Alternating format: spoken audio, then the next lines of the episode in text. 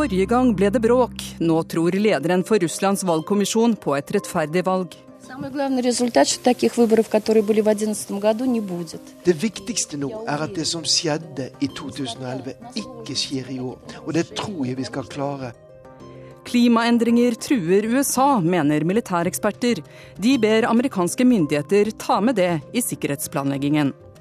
Rundt Tsjadsjøen er hundretusener drevet på flukt. FN advarer Europa mot å overse konflikten.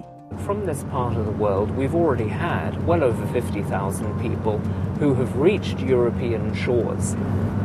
That number can only grow. Verdensarven er lagt i ruiner i Syria. Kirkelig kulturverksted forsøker å ta vare på noen skatter. Og så var de i gang igjen, da. Oktoberfestivalen i Bayern. Men terrorfrykt kan legge en demper på festlighetene. Vel møtt til Urix på lørdag. Jeg heter også Marit Befring. I morgen går russerne til valg. Parlamentsvalg denne gang. Det skal velges 450 representanter til Dumaen. Korrespondent Morten Jentoft, hvilke forventninger har russerne til dette valget? Undersøkelser viser at folk har relativt små forventninger til at eh, om de stemmer, at det får veldig store, eh, stor betydning for deres dagligliv. Det viser eh, alle undersøkelser. 25% av russerne sier også at de sannsynligvis ikke kommer til å stemme. Likevel, blant både politikere og eksperter, så ser man en viss forbedring i organiseringen av valget i forhold til det som skjedde skjedde i 2011. Eh, For den gangen så uh, reagerte jo folk veldig sterkt på bl.a. helt åpenlyse forsøk på valgfusk.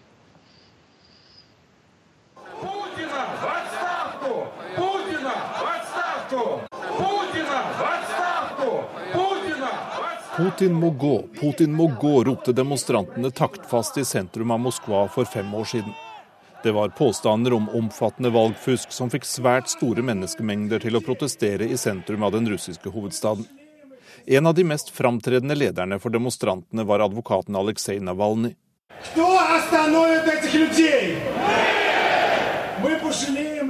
Hvem skal stanse de nåværende lederne i Russland, ropte Navalnyj.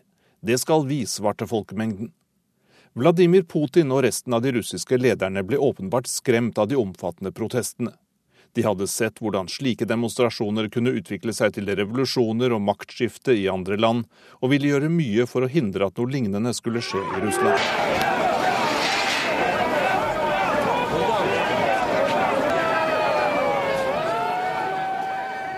Store politistyrker gikk hardt til verks mot demonstrantene. Mange ble arrestert og dømt til fengselsstraff. Men opposisjonslederen Navalny fikk ganske overraskende stille som kandidat i valget til ordfører i Moskva i 2013. Han fikk bare noen uker til å drive valgkamp, og fikk praktisk talt ikke slippe til i mediene. Likevel fikk han nesten en tredel av stemmene. Like etterpå ble det satt i gang flere rettssaker mot Navalny, og pga. en betinget dom kan han denne gangen ikke delta aktivt i valgkampen, men må følge det hele fra sidelinja Они часто сердцем чувствуют, вот где правда, а где ложь, где пустые обещания, а где желание, реальное желание и стремление э, President Vladimir Putin møtte nylig representanter for sitt parti Forent Russland i Kreml. Der understreket han at velgerne fort merker om kandidatene i parlamentsvalget snakker sant eller om de lyver. For Putin er det trolig svært viktig at det denne gangen ikke blir altfor mange påstander om valgfusk og at det ikke blir demonstrasjoner i bakkant av valget. Men de som deltok i protestene forrige gang, har liten tro på at de liberale kreftene kommer til å bli representert i det nye parlamentet. Я боюсь, что я могу не увидеть, как все изменится. А с другой стороны, вот этот вот вопрос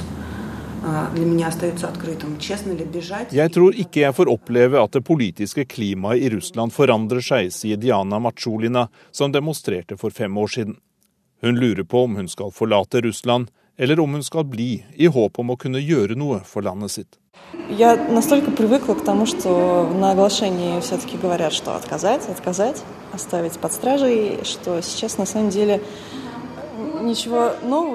Anna Gaskarova forteller at hennes mann Aleksej fortsatt sitter i fengsel fordi han deltok i protestene i 2011. Det er meningen at han skal slippe ut i oktober, tilfeldigvis i god tid etter at parlamentsvalget er avholdt. Det var en tydelig anspent og stresset Ella Pamfilova som torsdag denne uken møtte oss for å fortelle hvordan hun og hennes medarbeidere har planlagt og vil gjennomføre valget til nytt parlament, Duma, på søndag.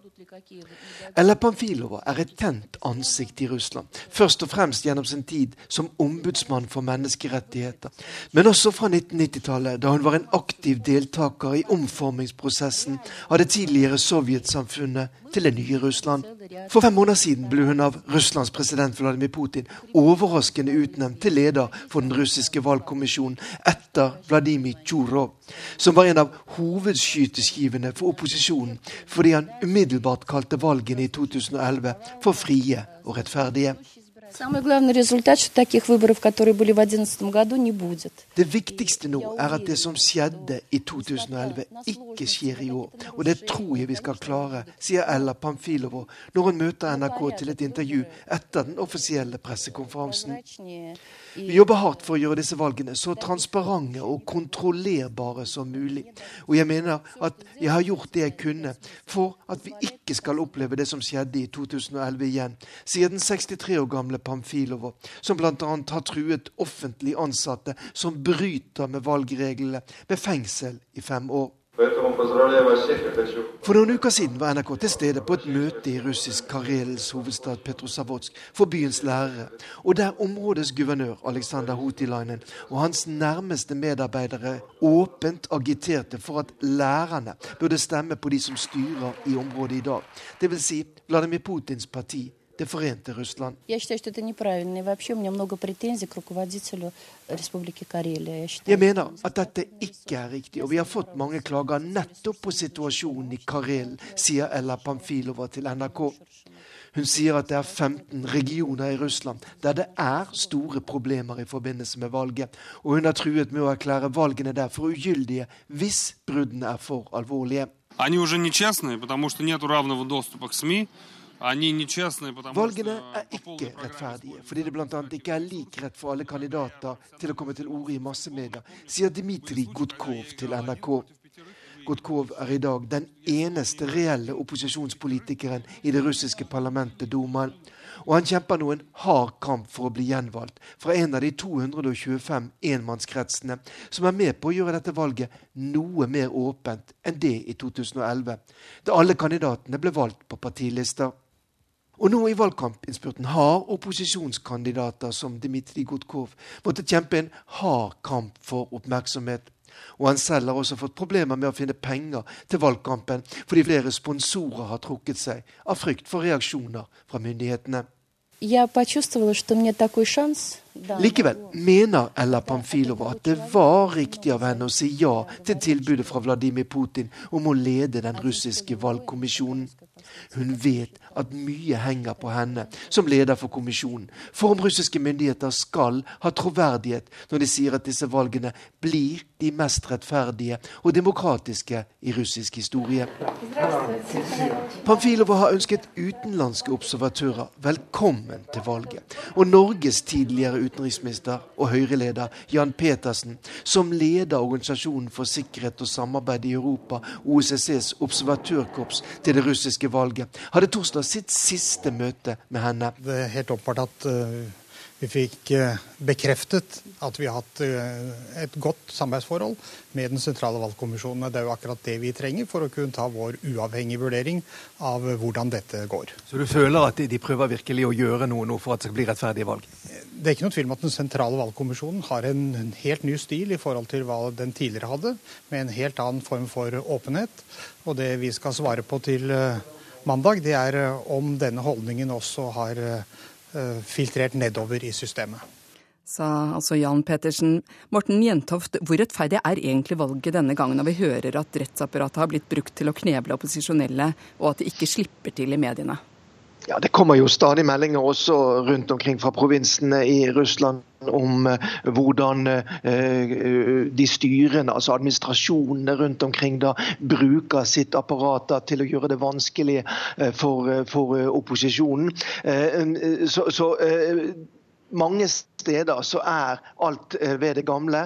Men likevel eh, det er visse tendenser til forbedringer. Bl.a. dette at eh, tallet på partier har økt ganske kraftig. Man har fått av dette systemet med enmannskretser, som også gir muligheter for personer som Dmitrij Gutkov, som vi hørte i, i, reportasjen her.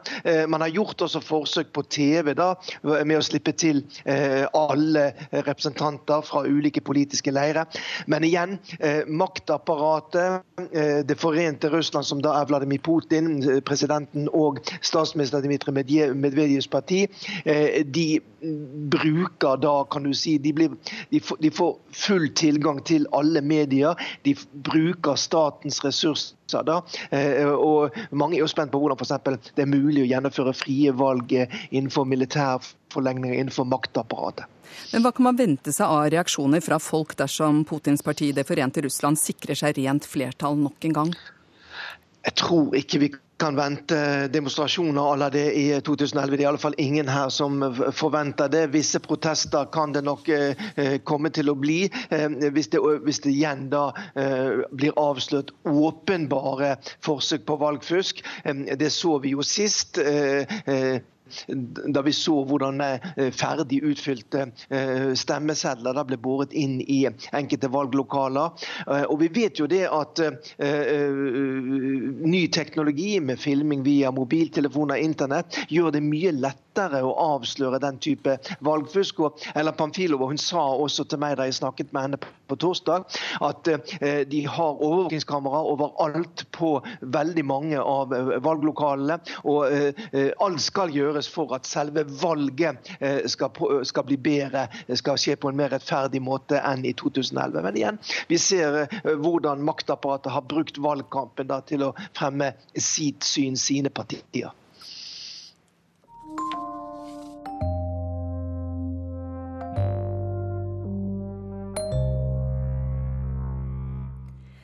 Klimaendringer kan føre til flere konflikter og er en strategisk risiko for amerikansk og internasjonal sikkerhet. Det mener flere tidligere amerikanske forskere, generaler og militæreksperter. De vil at USA tar klimaendringer inn i sikkerhetsplanleggingen. Climate change presents a strategically significant risk to the United States. Uh, Tross en litt dårlig Skype-linje fra Washington DC er budskapet fra Francesco Femia klart. Klimaendringer utgjør en betydelig strategisk sikkerhetsrisiko både i USA og internasjonalt. The US needs to do something comprehensive Han er leder for instituttet Senter for klima og sikkerhet i USA, og en av de 25 forskerne og militærekspertene som har skrevet under på oppfordringa til amerikanske myndigheter. Blant de 25 er pensjonerte offiserer fra det amerikanske forsvaret og tidligere rådgivere for Ronald Reagan og George Bush. Gruppa mener klimaendringer er med å øke sannsynligheten for internasjonale og interne konflikter og massemigrasjon the impact of climate change on precipitation uh, patterns in the Middle East and North Africa, for example, you know, can drive or is already driving uh, Effekten klimaendringer gir på nedbørsmønsteret i Midtøsten og Nord-Afrika, sier Femia, kan føre til mindre vann, som kan bety lavere matproduksjon, som på sikt kan bety flere internt fordrevne og mer konflikt. And that can have an implication for state fragility and, and, and possibly conflict. Denne uka har verden sett tyfon Meranti skape heftig vind og regn på Taiwan. Mens det i Europa har vært rekordvarmt. På Sola viste gradestokken i dag 26,1 grader. Og nettopp høyere temperaturer og mer ekstremvær er blant det vi har i vente, ifølge FNs klimapanel. Men er bekymringa for at det påvirker verdensfreden reell? Vi spurte denne mannen. Jeg heter Halvard Buhaug. Jeg er forsker på Institutt for fredsforskning i Oslo. PRIO. Han mener den amerikanske gruppa har en motivasjon bak utspillet. Vi skal være klar over at eh, sikkerhetsaktører, eh, forsvaret i USA, eh, de vil ha en kontinuerlig kamp for å legitimere et ganske stort forsvarsbudsjett. Og det at de kan koble sine eksisterende operasjoner, infrastruktur, militære styrker til klimaendring, det tror jeg er med på å gjøre myndighetene i USA og befolkningen generelt oppmerksom på at Eh, man fortsatt behøver et stort eh, militært forsvarsbudsjett i USA. Massemigrasjon er blant effektene klimaendringer kan gi, ifølge militærekspertene. Men hvor mange flere vil flykte pga. klimaendringer og bli såkalte klimaflyktninger? På Cicero senter for klimaforskning møter vi Nina Holmelin. Hallo. Hun forsker på hvordan jordbruket påvirkes av klimaendringer, og mener mer variert og uforutsigbar nedbør og høyere temperaturer kan føre til flere på flukt i framtida. Flyktninger er, forbinder vi ofte med krig og konflikt. Eh, men det vi vet, er at hvis livsgrunnlaget blir vanskeligere, hvis det blir usikkert å drive jordbruk, og familiene sliter med å få endene til å møtes, så vil nok flere bli sendt til utlandet. Så vi kan si at klimaendringer kan forsterke de migrasjonsprosessene som allerede eksisterer. Om advarselen fra de amerikanske militærekspertene blir lytta til av myndighetene, gjenstår å se. I Washington DC sier Francesco Femia at bakgrunnen for å advare om klimaendringer nå, er å si fra om hvilken betydning det faktisk har for jobben Forsvaret gjør. So it's warning the US government about the issue and saying, look, this is going to mean a, a real drag on our ability to do our job in the future. Um, so do something about it. Reporter var Irina Kjelle. Et område som er ekstremt utsatt for klimaendringer, er Sahel-beltet med landene Mali, Tsjad og Niger. Herfra har mange flyktet til Europa. I hjørnet rundt Tsjadsjøen er det først og fremst volden fra Boko Haram som driver mennesker på flukt. FNs koordinator i området mener at dersom Europa ikke gjør mer her, vil ikke høye gjerder og strengere grensekontroll stagge migrasjonen. Vår Afrikakorrespondent Kristine Presttun har vært i området denne uka og sendt oss denne reportasjen fra Niger. Nyvaskede hvite biler med blålys kjører ut fra den enkle flyplassen i Diffa i Niger. Sola står høyt og brenner i det åpne, flate landskapet. Soldatene på lasteplanene ser skjerpet ut. Våpnene er nok ladd. We are in the southeast Niger, uh, arguably the world's poorest country. And the southeast corner is a region known as Diffa. Hovedpersonen ifølge er Toby Lancer, toppebyråkraten i FN som ikke trives på kontor, mannen med ansvaret for å koordinere hjelpearbeidet i Sahel. Han kombinerer sin britiske selvsikkerhet med et dypt engasjement for folk som bor i området rundt Tsjadsjøen. Uh, I want to see what the feeling is like. How, how are people doing? How are women managing? Utenfor bilvinduet er det plast og stråtelt så langt øyet kan se. Kampen mot de militante islamistene i nabolandet Nigeria har ført til at Boko Haram har trappet opp angrepene i nabolandene. Særlig her i dette sårbare området i Niger. Good morning and thank you so much for spending a few minutes with me. My name is Toby and I work for the United Nations. Ah, Lancer setter seg ned på en fargerik stråmatte med fem kvinner i landsbyen Tomor. Gang på gang har disse kvinnene flyktet fra Boko Haram. Senest dagen før ble fem soldater drept rett utenfor landsbyen. Jeg forstår virkelig ikke hva som driver disse menneskene. Hva det er som får dem til å utføre disse grusomme handlingene, sier Fanta og ser Lancer inn i øynene. Den eldre kvinnen med ring i nesen og et sjal i lilla og rosa over hodet forteller at hun ikke føler seg trygg her heller. Og det viser seg at hun har rett. Dagen etter at vi besøkte landsbyen hennes, ble den angrepet igjen. Heldigvis ble mennene som kom ridende på kameler med våpen i hånd, stanset i tide. For Toby Lancer handler besøket om å vise empati med disse kvinnene, og med folk her som allerede hadde nok å streve med fra før, før frykten for vold og overgrep ble en del av hverdagen. Men han mener også at Europa har en spesiell grunn til å engasjere seg. Well, this crisis can be very central to everything that we in Europe uh, stand for, but also um, are worried about. Think of migration. You know, at the moment, across the Lake Chad Basin, we've got over 9 million people in need. We also know that from this part of the world, we've already had well over 50,000 people who have reached European shores. That number can only grow if this situation doesn't settle. That number will grow if violence continues. That number will certainly increase if um, the, the, the central challenges that face these communities aren't addressed. Klar tale der, eh, generalsekretær i Flyktninghjelpen Jan Egeland. Hvorfor lytter vi ikke? Jeg tror eh, det har vært eh, altfor få journalister. Heldigvis var dere der nå. For få politikere besøker området. Det er ikke veldig strategisk viktig for stormaktene. Så der er vi villige til å til å la titalls millioner mennesker eh, nærmest lide i, i stillhet. Flyktninghjelpen eh, begynte arbeidet i fjor i Nigeria, nordøstre Nigeria. Våre garvede feltarbeidere hadde knapt nok sett slike forhold. Eh, et eksempel nå fra den seneste tiden er at vi begynte arbeidet i Mongono, bitte liten by i det nord, nordøstlige konfliktfylte Nigeria. Der var det 130 000 mennesker, altså en, en, en forholdsvis eh, en sånn mellomstor norsk by. Nå er det 350 000 der i løpet av de siste tre månedene. Det bare viser dimensjonene i folkevandringene som blir tvunget fram av volden i dette området. Men hva må europeiske ledere bidra med for å gjøre det mulig for folk å leve i fred i dette området?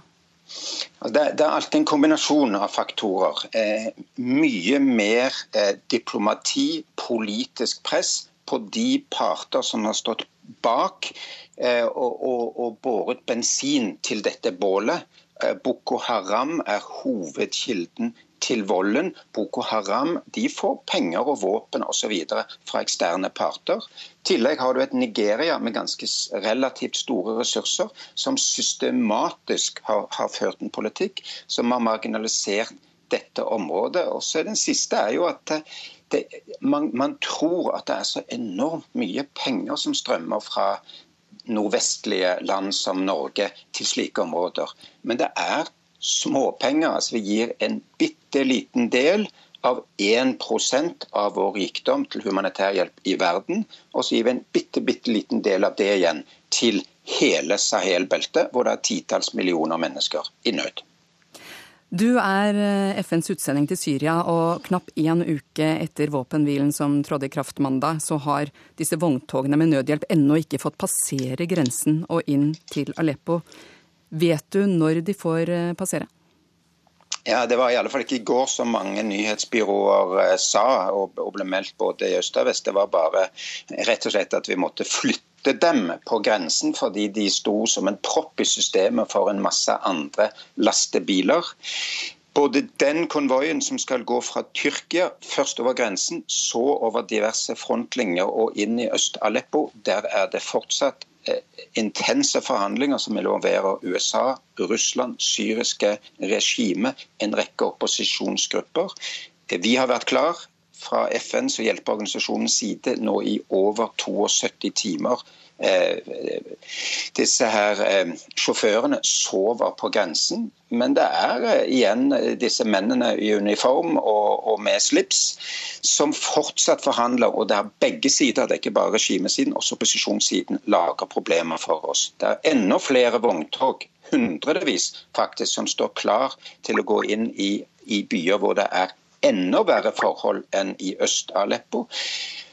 Og alt det der håper vi skal løsne nå, før eh, denne, denne, fristen går ut på mandag kveld. For, for, da er det altså syv dager siden våpenhvilen skulle eh, startet. Våpenhvilen har stort sett holdt, men vi har altså ikke nådd fram til desperate mennesker som sulter og lider inne i beleirede byer ennå.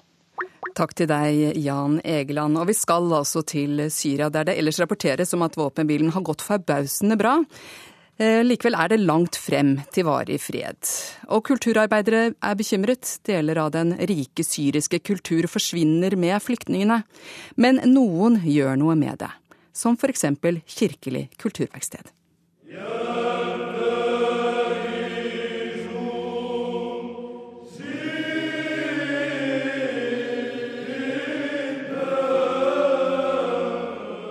Et mannskor i Libanon. De synger i den bysantinske tradisjonen, den som knytter seg til Østkirken med sete i Konstantinopel, dagens Istanbul. Men altså her et libanesisk kor i Beirut.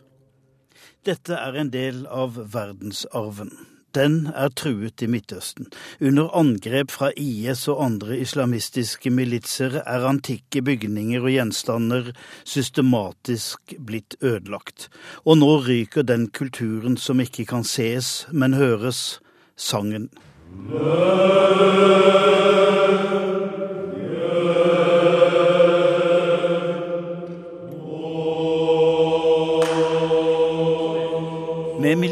på flukt dør folkekulturen i truede distrikter, særlig i Syria. De rømmer til Jordan, til Tyrkia, til Europa noen, men mange til Libanon. Og der blir de fanget opp av Erik Hillestad, den legendariske plateprodusenten i Kirkelig kulturverksted. Han samler dem der før de forsvinner videre. Med mikrofoner, støydemper og stor tålmodighet har han samlet dem til allsang og solo, så deres bidrag til denne verdensarv ikke skal forgå. Denne gang et mannskor. En annen gang synger et barn helt alene, en prest med sin menighet i vekselsang, eller en imam synger noen koranvers, det også. De har kommet fra syriske bygder og byer, og så samles de i Beirut eller Bekardalen. De kristne i Midtøsten er truet og forfulgt, og kanskje blir det strøk der Jesus ble født, tømt for hans etterfølgere. Før krigen i Syria var det 1,1 millioner kristne i landet, nå er det bare 400 000 tilbake. Før USAs krig mot Irak var det 1,4 millioner kristne der, nå er det bare 250 000 igjen. Opp høyder og innover daler har de sunget salmer og sanger med tradisjoner som går flere hundre år tilbake. Det må ikke dø ut, har Erik Hillestad bestemt seg for.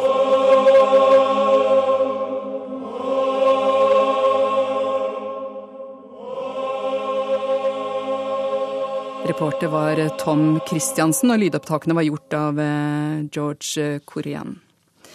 Daglig leder og produsent i Kirkelig kulturverksted, Erik Hillestad. Hva betyr disse sangene for folk flest? Eh, de er eh, tilfluktssted for mange. De er arven deres. De er en del av hjertespråket, en del av det musikalske morsmålet. En del av identiteten deres. Eh, de står dem eh, veldig nær og uttrykker eh, generasjoners, altså hundreårs tradisjon og tilstedeværelse i den regionen som i dag er veldig preget av konflikt. Og i denne situasjonen så blir også disse sangene en del av den trøsten de har, men også uttrykket for håpet de tross alt bærer i seg. Ja, hvor kommer dette sangmaterialet fra? Det er vel, De eldste tingene er jo fra fire, altså fjerde århundre. Eh, og de er blitt skrevet opp igjennom i en region som eh, kan ses på som en slags sånn regnbueregion for religion.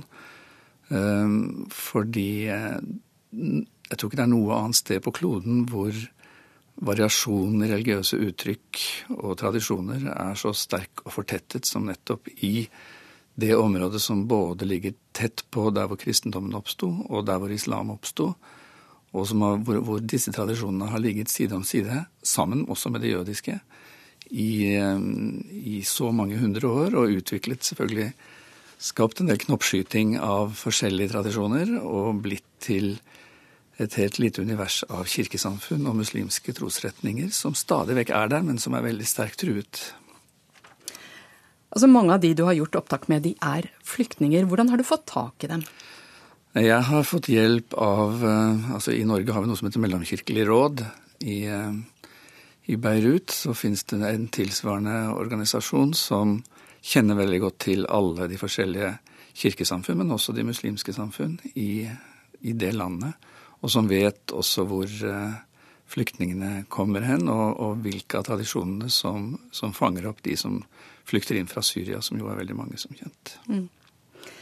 IS ødelegger kulturskatter med dynamitt og hakke. Fører krigen i seg selv til kulturell vandalisme ved at eh, folk også flykter fra landet? Ja, altså det som er eh, det forferdelig triste, er jo at denne demonstrasjonen av muligheten til å ha en sameksistens på tvers av alle de religiøse skillelinjene og de kulturelle skillelinjene, den, eh, den blir redusert, den blir kraftig redusert og kan risikeres å gå nesten totalt tapt.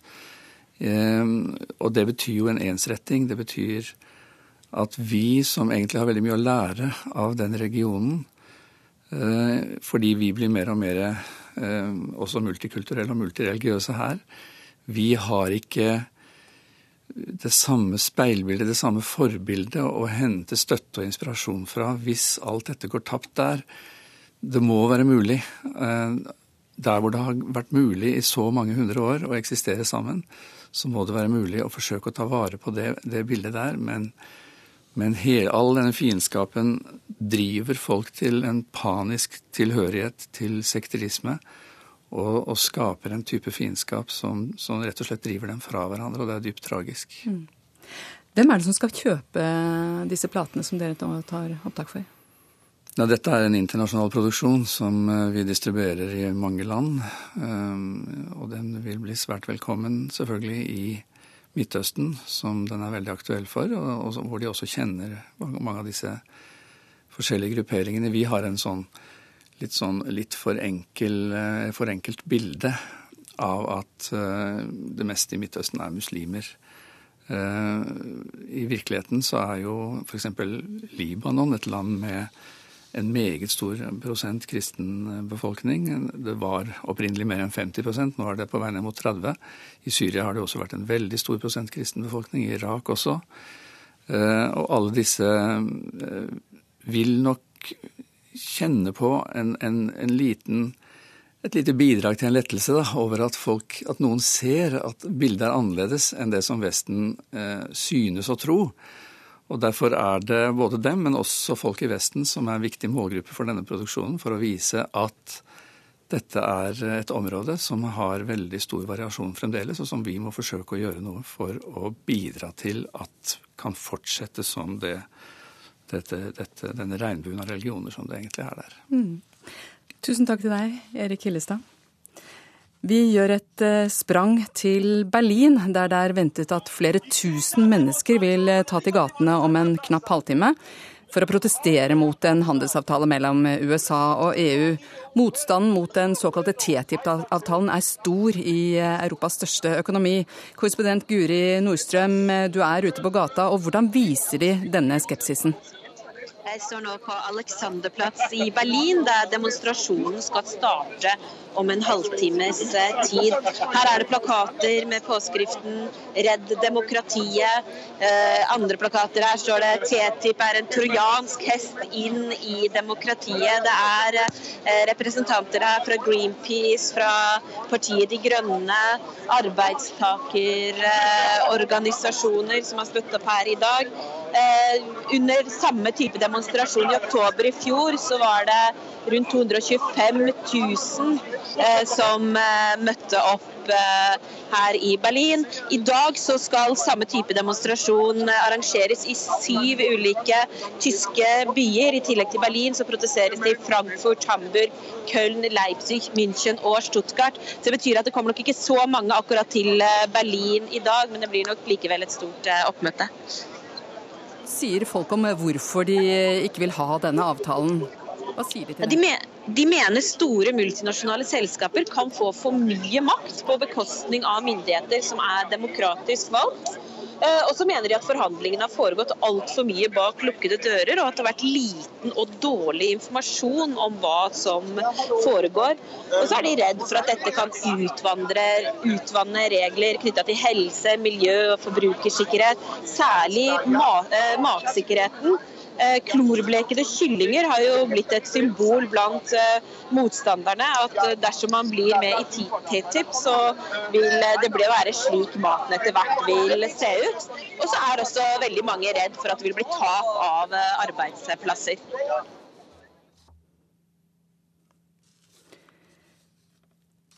Nå har vi fått inn en melding om at det norske gisselet Kjartan Sekkingstad skal være satt fri av islamistgruppa Abu Sayyaf på Filippinene. Det sier en talsmann for gisseltakerne, ifølge DPA. Eh, eh, NTB jobber med å bekrefte dette. Eh, Peter Svaar, hva vet du om dette? Det vi jo ser nå er at det er flere filippinske medier som melder at eh, Kjartan Sekkingstad ble løslatt eh, klokken halv ni i går kveld på øya Zulu. Eh, de har veldig detaljerte opplysninger om akkurat hvor og når han skal ha blitt løslatt, selv om dette jo ikke bekreftes foreløpig fra norske myndigheter. Men meldingene går ut på at det var Eh, en opprørsgruppe som heter MNLF, Moro National Liberation Front, som bisto i selve overleveringen av Sekkingstad. Eh, han skal ha blitt eh, levert til huset til guvernøren i, på øya Zulu i går kveld. Og det skal også ha blitt betalt ut løsepenger for ham. Vi vet jo fra før at Eh, Abu Sayyaf-geriljaen eh, har krevd 300 eh, millioner filippinske pesos i løsepenger. Det er en sum tilsvarende rundt 40 millioner norske kroner. og Vi vet også at det har vært et privat initiativ som har jobbet med å samle løsepenger for å få Sekkingstad fri. Et initiativ som også norske myndigheter tidligere har bekreftet at de har kjent til, selv om jo norske myndigheter selv ikke utbetaler løsepenger. Det er ikke kjent akkurat hvem som, som, står bak dette initiativet, men meldingene i filippinsk presse nå går ut på at det er betalt eh, betydelig mindre, rundt 30 millioner pesos, altså rundt eh, noen tre-fire millioner eh, norske kroner for å få ham fri. og Han ble også løslatt fem dager før eh, ettårsdagen for sitt eh, fangenskap. Han er jo det siste av de fire gislene som ble tatt til fange i september i fjor på Ocean View Resort, Resort som fortsatt sitter fanget. Det var to canadiere som ble drept de siste månedene, og det filippinske gisselet Marites Flor som ble løslatt nå før sommeren. Og vi gjentar da bare at norske myndigheter ikke har bekreftet at norske Kjartan Sekkingstad er frigitt, men at flere medier da uh, opplyser om det. Han ble tatt til fange 22.9. i fjor.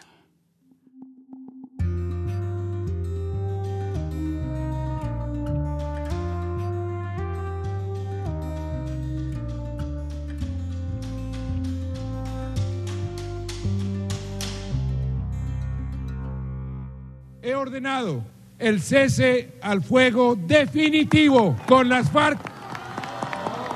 Her hører vi Colombias president erklære fred med geriljagruppen FARC. Akkurat nå sitter hundrevis av medlemmer fra geriljagruppen sammen i det som blir kalt den siste kongressen. Også de skal godkjenne fredsavtalen, som skal gjøre endelig slutt på over 50 års krigføring. På en gjørmete slette noen timer fra den nærmeste byen begynner et slags konferansesenter å ta form. Tidligere geriljasoldater har byttet ut våpen med sag og hammer. De setter opp enkle plankehytter for matservering, mobile toaletter og dusjer. På den regntunge bakken legger de ut planker, slik at busser og lastebiler ikke skal kjøre seg fast. Tempoet i fredsprosessen tok oss på senga, sier FARC-medlem Carlos Antonio Lazada. De siste ukene har de jobbet tre skift i døgnet for å gjøre klart til FARC-kongressen, forteller han. Ikke bare er det første og antatt siste gang de øverste lederne for FARC-geriljaen kommer sammen, det er også første gang pressen får være til stede. Nærmere 200 delegater skal delta, i tillegg til spesielt inviterte gjester. Også 250 journalister er akkreditert, forteller han. På Kongressen skal de godkjenne fredsavtalen og meisle ut en politisk fremtid. Tidligere opprørsmedlemmer får ti seter i Kongressen når FARC nå skal bli en politisk bevegelse. I over 50 år har Colombias væpnede revolusjonære styrker herjet landet. Det begynte som et opprør for jordreformer på 60-tallet, men var ved slutten av forrige århundre en mektig geriljabevegelse med over 20 000 soldater. Geriljaen skaffet seg inntekter ved å smugle kokain og gull, men bortføringer for å kreve løsepenger var også en lukrativ inntektskilde. Rundt 27 000 mennesker ble bortført mellom 1970 og 2010, ifølge offisielle tall. 90% av dem av FARC. En esta perspectiva queremos reconocer vi innrømmer at FARC under konflikten påførte folk store smerter. Bortføringer rammet hele familier, sier opprørsgeriljaens sjefforhandler Ivan Marquez. De fire årene forhandlingene om en fredsløsning har pågått, har de ikke tatt noen til fange.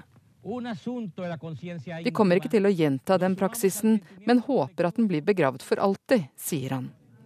Mens Kongressen pågår, gjør valgkomiteen seg klar til den nasjonale folkeavstemningen 2.10.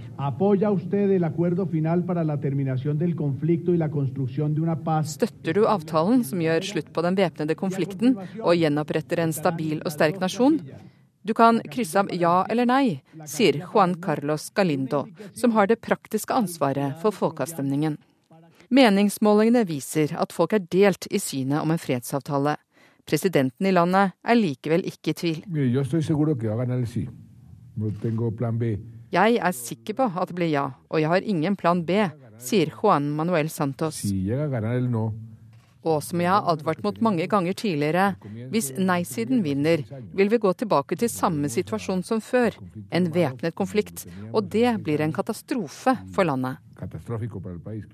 Likevel, for mange colombianere er det vanskelig å fordøye at tidligere FARC-medlemmer med liv på samvittigheten slipper fengselsstraff. Det er mange sår å slikke etter over 50 år med konflikt.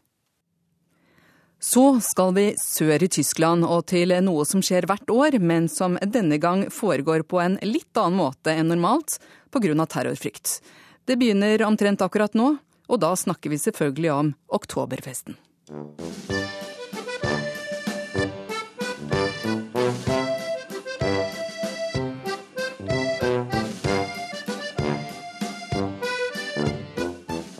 Da er det i gang igjen. Endeløse timer med ompa-ompa, pølser og selvfølgelig mugger. For øl drikkes ikke i siviliserte halvliters glass under oktoberfesten, men i énliters mugger som helst skal settes opp ned på hodet etter tømming. En tømming som helst skal skje mens du står på bordet.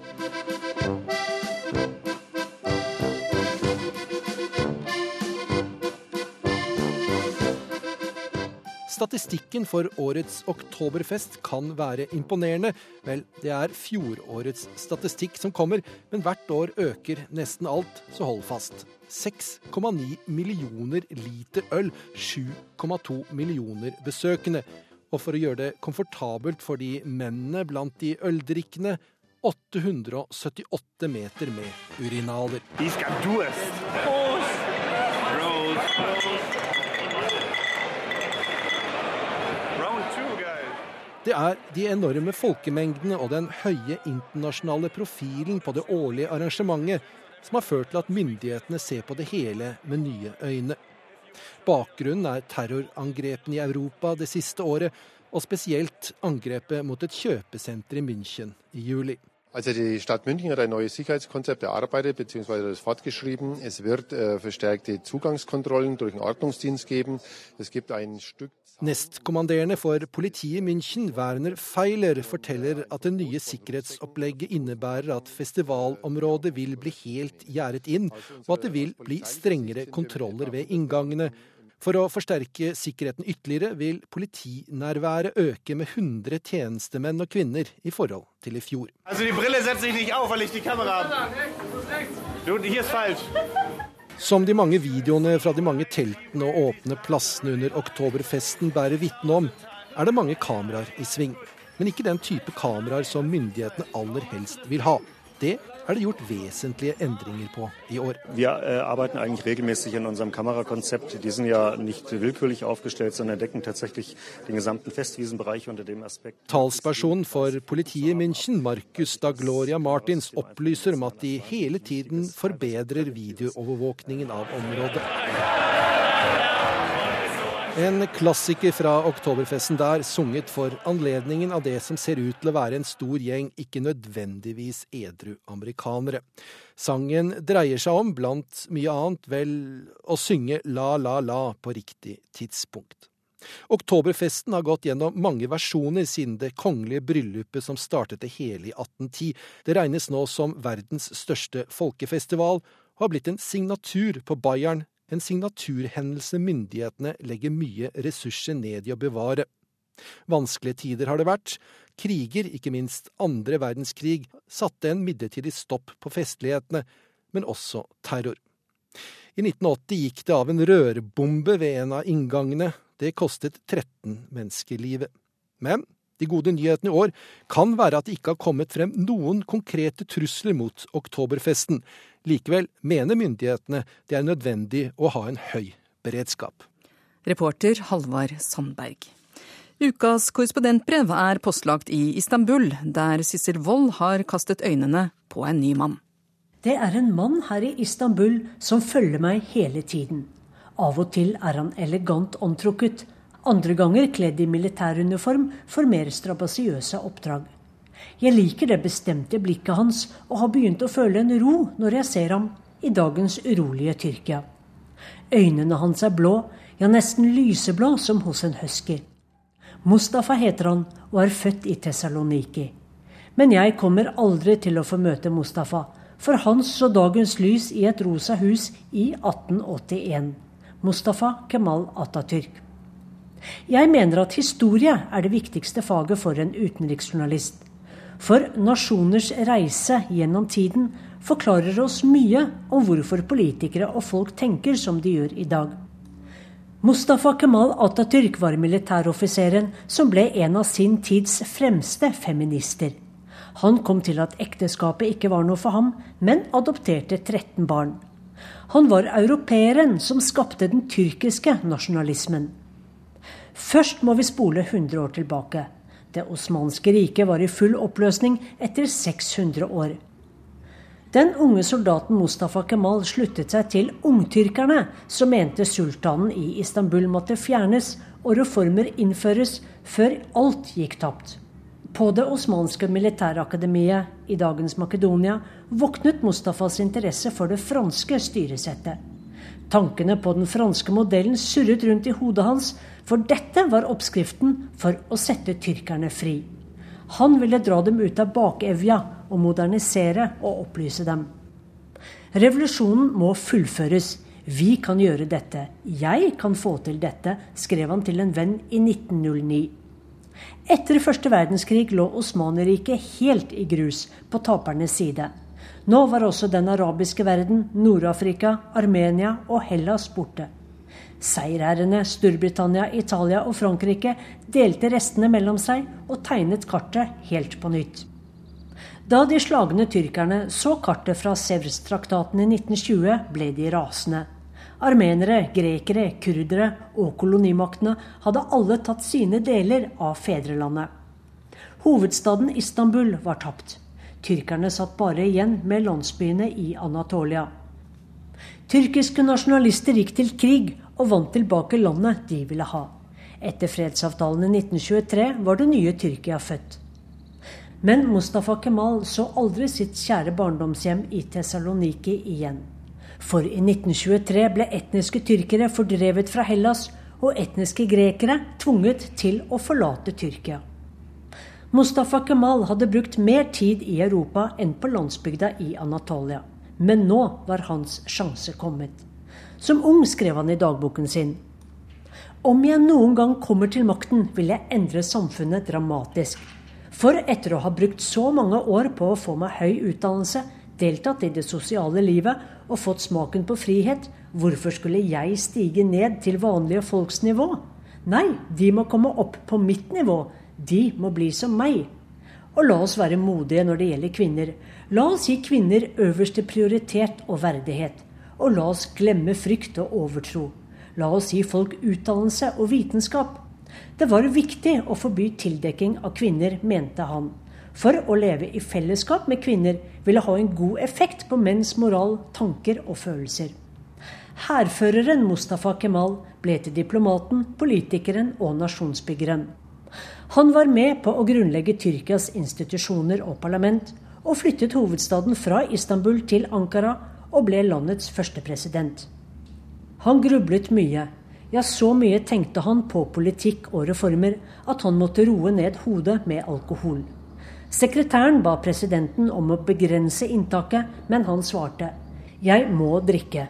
Hodet mitt jobber kontinuerlig og så raskt at det grenser til lidelse. Om nettene forsøker jeg også å løse problemer. Jeg snur meg og kaster meg rundt i sengen og blir liggende våken. Om jeg ikke drikker, får jeg ikke sove, og det slår meg ut. Med skrantende helse gjennomførte han planen sin. I 1925 ga han beskjed om at tyrkerne måtte kaste de tradisjonelle klærne og kle seg som europeere. På et svart-hvitt-fotografi fra 1925 ser vi presidenten sammen med en gruppe offiserer. De militære har byttet ut bøttehatten fes med vestlige uniformsluer. Presidenten selv poserer i en hvit europeisk hatt, mens han ser litt prøvende, ja nesten litt spørrende, inn i kamera. Noen menn var så ivrige etter å følge de nye påbudene at de tok på seg europeiske hatter bak frem, eller gikk intetanende med damehatter. Presidenten selv reiste land og strand rundt for å overbevise skeptiske tyrkere. Det er på tide å stanse alle disse debattene om skal vi bruke hatter eller ikke bruke hatter, sa han til bønder i Anatolia. Vi skal innføre hatter sammen med alt annet fra den vestlige sivilisasjonen. For usiviliserte folk er dømt til å bli undertrykket av siviliserte folk, tordnet han. I 1926 kom loven som ga kvinner nesten full likestilling. Det ble forbudt for kvinner å dekke seg til med sjal på offentlig sted og på universiteter. Men statsminister Erdogan reverserte denne loven i 2008. I 1928 ga Atatürk beskjed om at tyrkerne nå skulle få et nytt alfabet. Osmansk-arabisk skrift skulle ut, det latinske alfabetet skulle inn. I 1934 fikk Mustafa Kemal etternavnet Atatürk, tyrkernes far, og bare han får bruke dette navnet. Han jobbet natt og dag, reiste mye, røkte mye og døyvet stress og press med alkohol.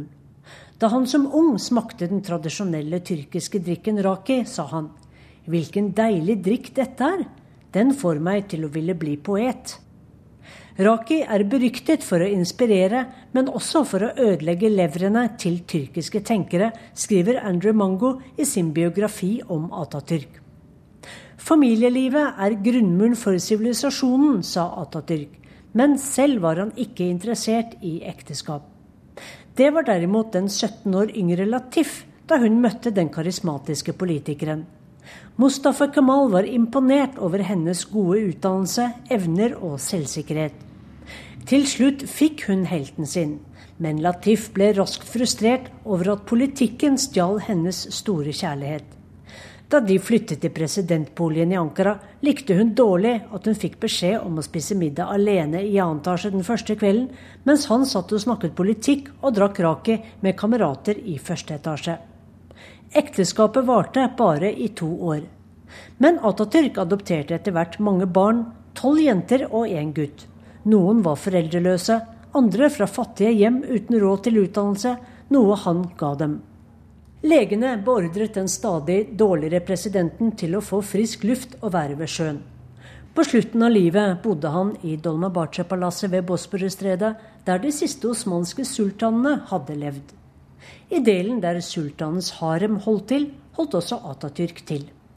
Sengen han døde i, er dekket med et stort tyrkisk flagg nå. Og klokken på bordet ved siden av viser fem over ni. Tidspunktet da han gikk ut av tiden, 10.11.1938, bare 57 år gammel. Det enorme monumentet Anat Kabir i Ankara huser hans grav og et museum. Vi går innover og ser biblioteket hans, flere tusen bøker på fransk, tysk, tyrkisk og osmansk-arabisk.